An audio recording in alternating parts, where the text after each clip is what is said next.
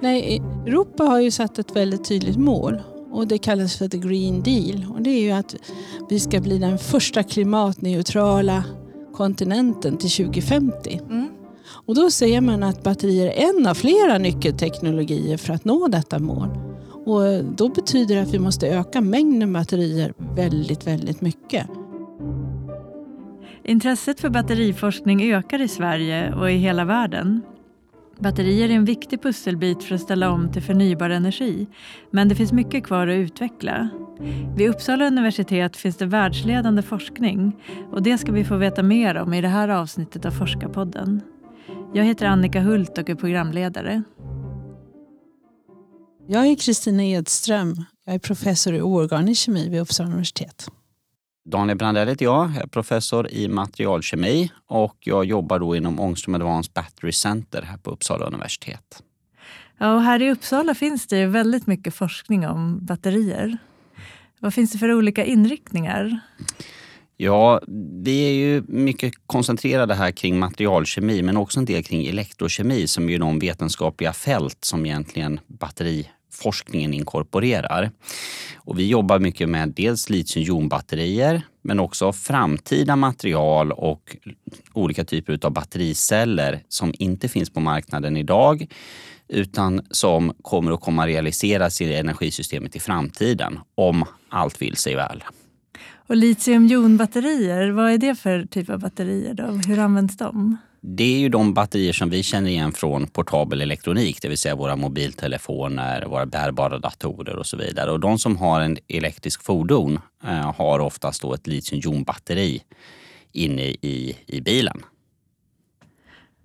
Och eh, varför är det här eh, så viktig forskning idag? Det är många som satsar på forskning om batterier. Och varför gör man det? Ja, eh, Litiumjonbatteriet är ju det typen av återuppladdningsbart batteri som innehåller allra mest energi av de lösningar som finns tillgängliga idag. Och det är därför det går att använda på så väldigt många olika sätt. Och nu då när vi behöver ställa om till ett fossilfritt samhälle, då kommer energilagring att vara en vital komponent. Dels för de saker som vi inte kan koppla in på elnätet, som fordon. Och eh, dels för att kunna lagra energi från eh, förnybar produktion till exempel sol och vind. De dagar solen inte lyser, vinden inte blåser, då behöver energilager. Och här kan batterier vara, eller det kommer att vara, en väldigt viktig komponent därför att de är ganska mångsidiga. Och energieffektiviteten är väldigt hög i jämförelse med många av de alternativ som existerar. Och vad är det då man behöver lösa för att, för att klara av att, att lagra en, eh, energi som du säger från sol och vindkraft? Ja, när det gäller den här typen av mer storskalig energilagring, då är batterier idag fortfarande en ganska kostsam lösning och det är ett bekymmer. Eh, så vi behöver göra billigare batterier, eh, använda billigare material. Sen det här med priset är också kopplat till batteriets livslängd. Om batteriet håller fem år, eller om det håller tio år eller om det håller 20 år. Det kommer ju vara väsentligt då för den totala kostnaden för systemet.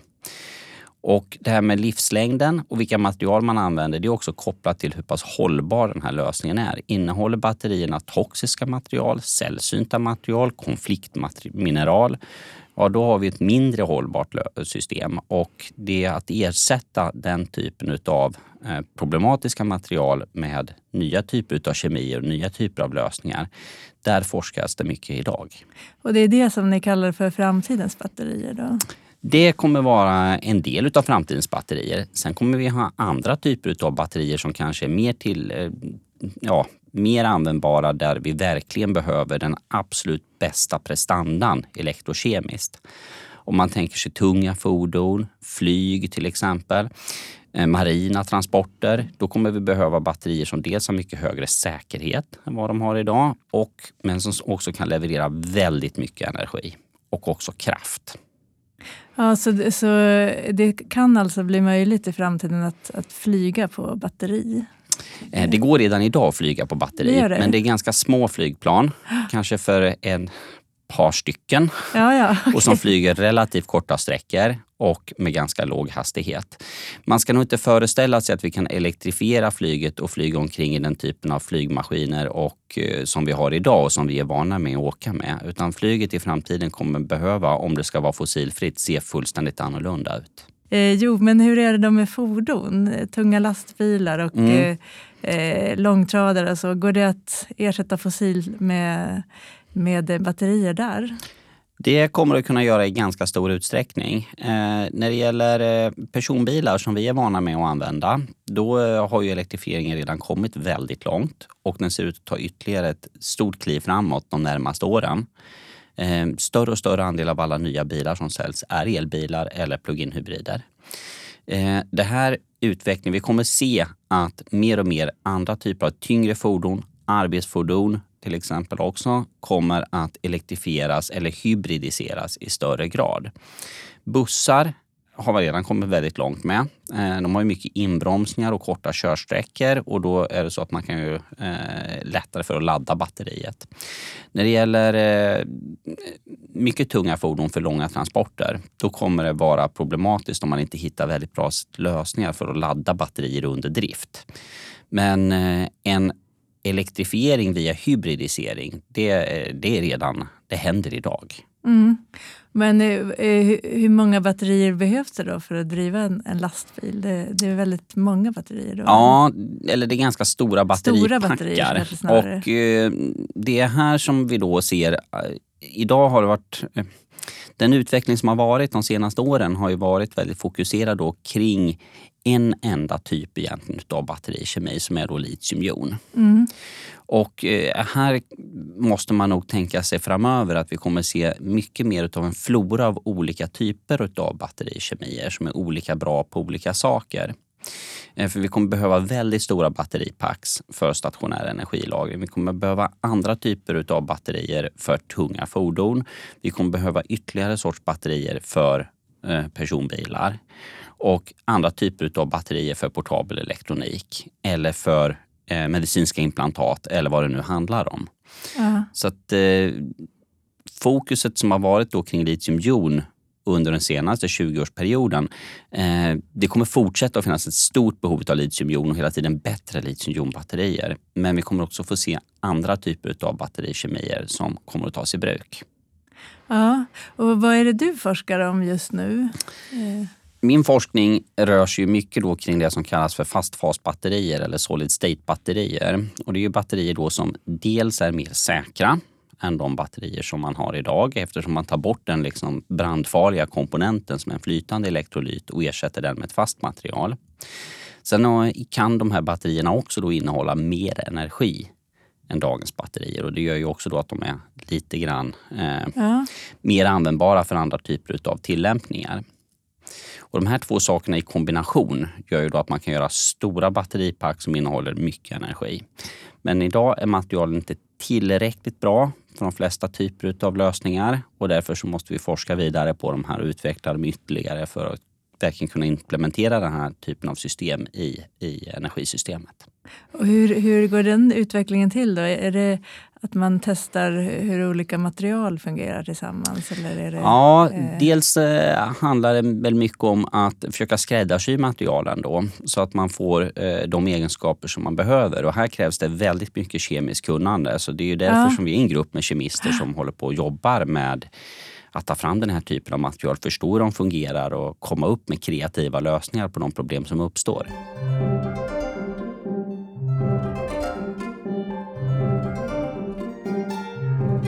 Det här är, med batteriforskning det är ett växande forskningsfält. Ja, det är verkligen vibrerar just nu.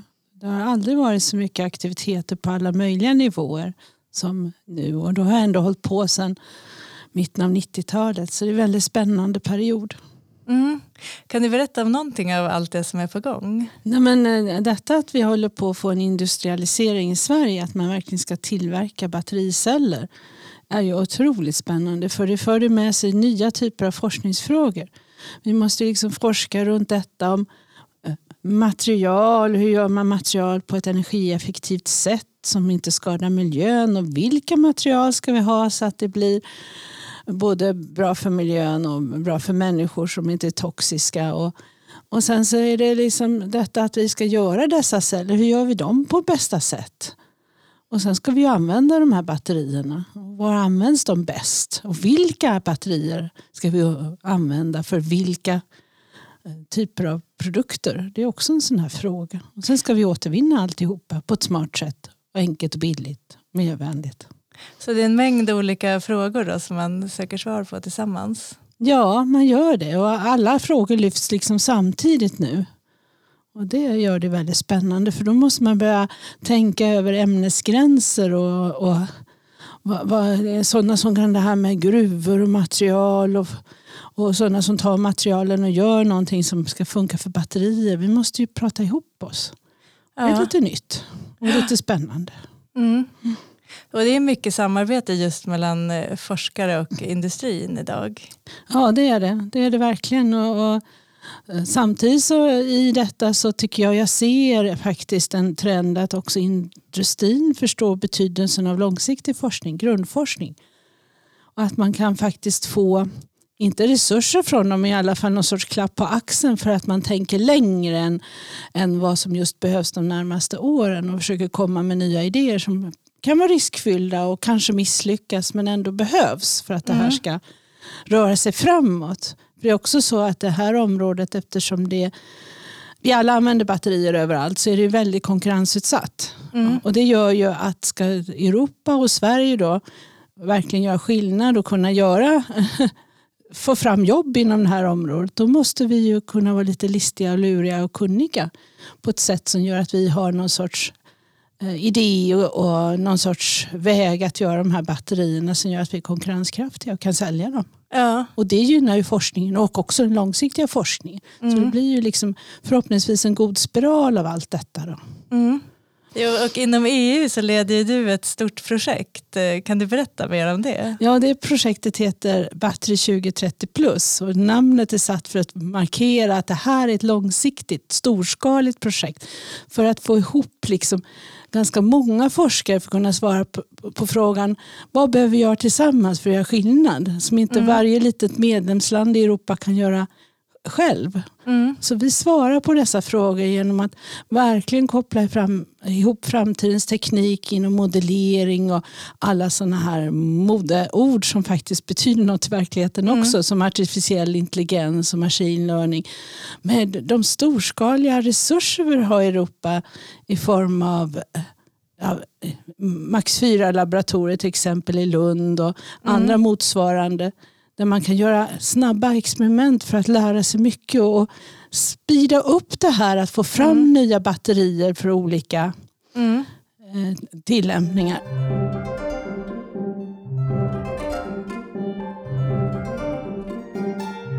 Nej, Europa har ju satt ett väldigt tydligt mål och det kallas för the green deal. Och det är ju att vi ska bli den första klimatneutrala kontinenten till 2050. Mm.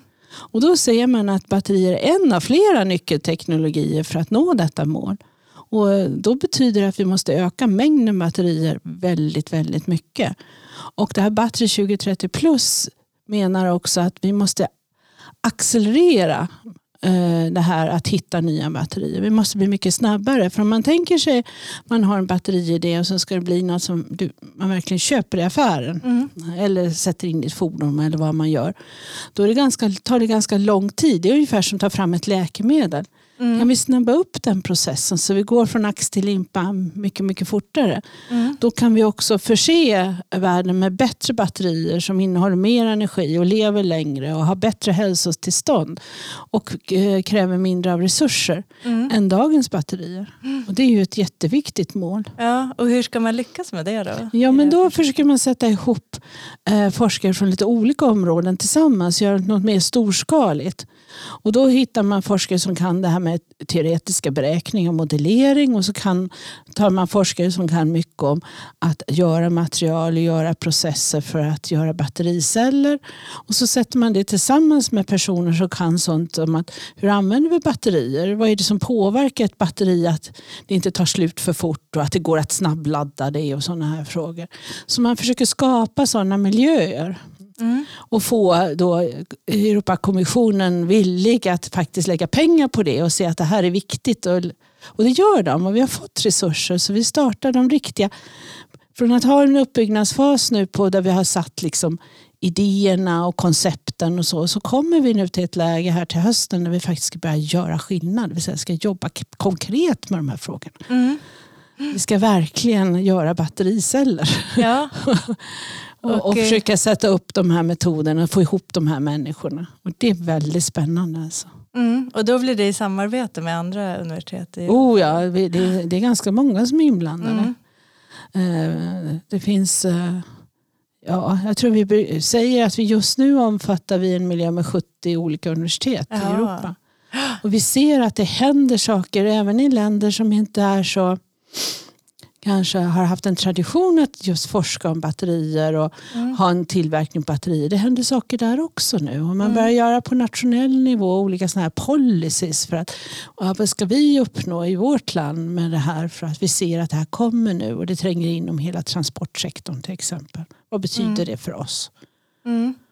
Och då behöver man prata om utbildning och skills och alltså, det här engelska ordet som betyder att det inte bara är universitetsutbildare som behövs. Vi behöver liksom alla möjliga nivåer på kunskap. Den som praktiskt kan installera och få ihop de här drivlinorna med ett fordon Mm. ett batterier och sånt. Så att vi behöver ingenjörer av alla Mm. möjliga slag. Så nu börjar det också komma upp som en sån här riktig fråga. Att hur, hur utbildar vi? Hur ger vi massa kunniga personer ny kunskap om just det här? Mm. Så det är en spännande utveckling. Det blir så på något sätt genomgripande också i samhället. Om det Ja. blir, och när det nu den här eh, omvälvningen kommer att man fasar ut eh, bensinmotorn och dieselmotorn mot de här. Vilket kommer ta tid och inte kommer göras på en kvart. Då. Mm. Ja. Men ni försöker snabba på takten? Vi försöker snabba på takten. Ja. Ja. ja, men det är spännande. Och eh, här i Uppsala så, så finns ju vad jag förstår en väldigt stor forskargrupp inom batteriforskning. Ja, och vi har både teoretiker och experimentalister som kan jobba ihop och därför kan vi också vara med som forskargrupp i de här stora satsningarna i Europa. Så att man har ökat finansieringen väldigt för batterier i Europa och redan gjort utlysningar som har materialiserat sig i projekt där vi är med i ganska många. Också från Uppsala sida och försöker bidra i detta. Mm. Så det finns ju en anledning. Jag har ju någonting att stå på när jag kommer och får erbjudanden att leda ett sånt här Ja, storskaligt projekt. Ja. Och på, svenskt, eh, på svensk mark så finns ju det här Battery Sweden nu Ja, ja, det är jätteroligt. Och det är ju också att vi har fått ett sånt intresse från svenska företag och från andra lärosäten i Sverige också som har verkligen god batteriforskning som Chalmers och KTH till exempel. Och att vi kan jobba tillsammans och mycket av det som finns i Battery Sweden det ansluter också till det europeiska. Det är en tanke med det där att det ska liksom kunna vara en länk in och också göra att svenska aktörer har roll i Europa så man får den här överhörningen. Jo. Så, för det finns intresse både inom industrin och inom forskningen i Sverige för det här nu. Ja, och det är väldigt spännande med det konsortium vi har satt upp. Att det, det innehåller liksom hela den här värdekedjan som jag pratade om. Det har materialsidan med, till med gruvsidan till battericellsproduktionen, det som ska liksom bli något i Sverige nu till, till de som använder batterierna i applikationer och, och också återvinningssidan. Så vi har liksom hela denna bredd i detta centrum och det är ju, det är ju väldigt spännande för oss. Ja. Dessutom så har jag skaffat mig en liten fördom genom att vara mycket i Europa och det är att vi är lite mer vana att jobba tillsammans med industrin. Jaha, i Sverige alltså? Ja, att även industrin är lite mer van att jobba med oss akademiker och lite mer tillåtande för vad vi gör. Jaha, Om jag ja. uppfattar kanske att man gör att det är lite mer vattentäta skott på andra delar av Mm, Europa. mm. Och så är det, väl, det finns väl en tradition av det i Sverige då, inom batteriforskning? Att, Ja, inte bara i batteriforskning tror jag utan att eh, det finns ju andra centra som också har jobbat länge, kompetenscentra som har Mm. jobbat länge. Och det har nog eh, skapat en sån grogrund och vi tillhör ju de mer innovativa länderna i Europa också. När Mm. man tittar på, försöker utvärdera sådana skalor så kommer alltid Sverige högt. ja. Ja, men om man då pratar om framtidens batterier, hur ser de ut? Ja du, de kommer att vara eh, mycket mer stabila och de kommer vara mycket säkrare. Vi ska inte behöva vara rädda att flyga Nej. som vi är idag med litiumbatterier. Samtidigt kommer de innehålla en eh, större energimängd och detta är en väldig utmaning. Därför att så fort du stoppar mer energi i en burk så måste du ju Ja, det får inte bli en bomb. Nej, precis. Och då Ja. måste du jobba med eh, säkerhetsfrågorna parallellt. Mm. Dessutom ska du känna dig trygg som eh, konsument. Att när jag köper det här batteriet, då är det inga... Det ska inte vara skadligt. Nej. Du ska inte råka illa ut av det där, inte bara av att det ska brinna och så, utan också att det inte ska läcka ut någonting som du blir skadad av. Och att det tas om hand och återvinns. Mm. Om du tittar på ett sånt där batteri som innehåller en metall som absolut inte vill ha i ekosystemet så är det ju blysyrabatteri som är världens mest Ja. sålda batteri. Det finns ju en, i en miljard fordon till exempel. Ja. Och detta batteri återvinns ju till 98 procent. Mm. Och då är det ju i stort sett säkert för, Mm. Mm.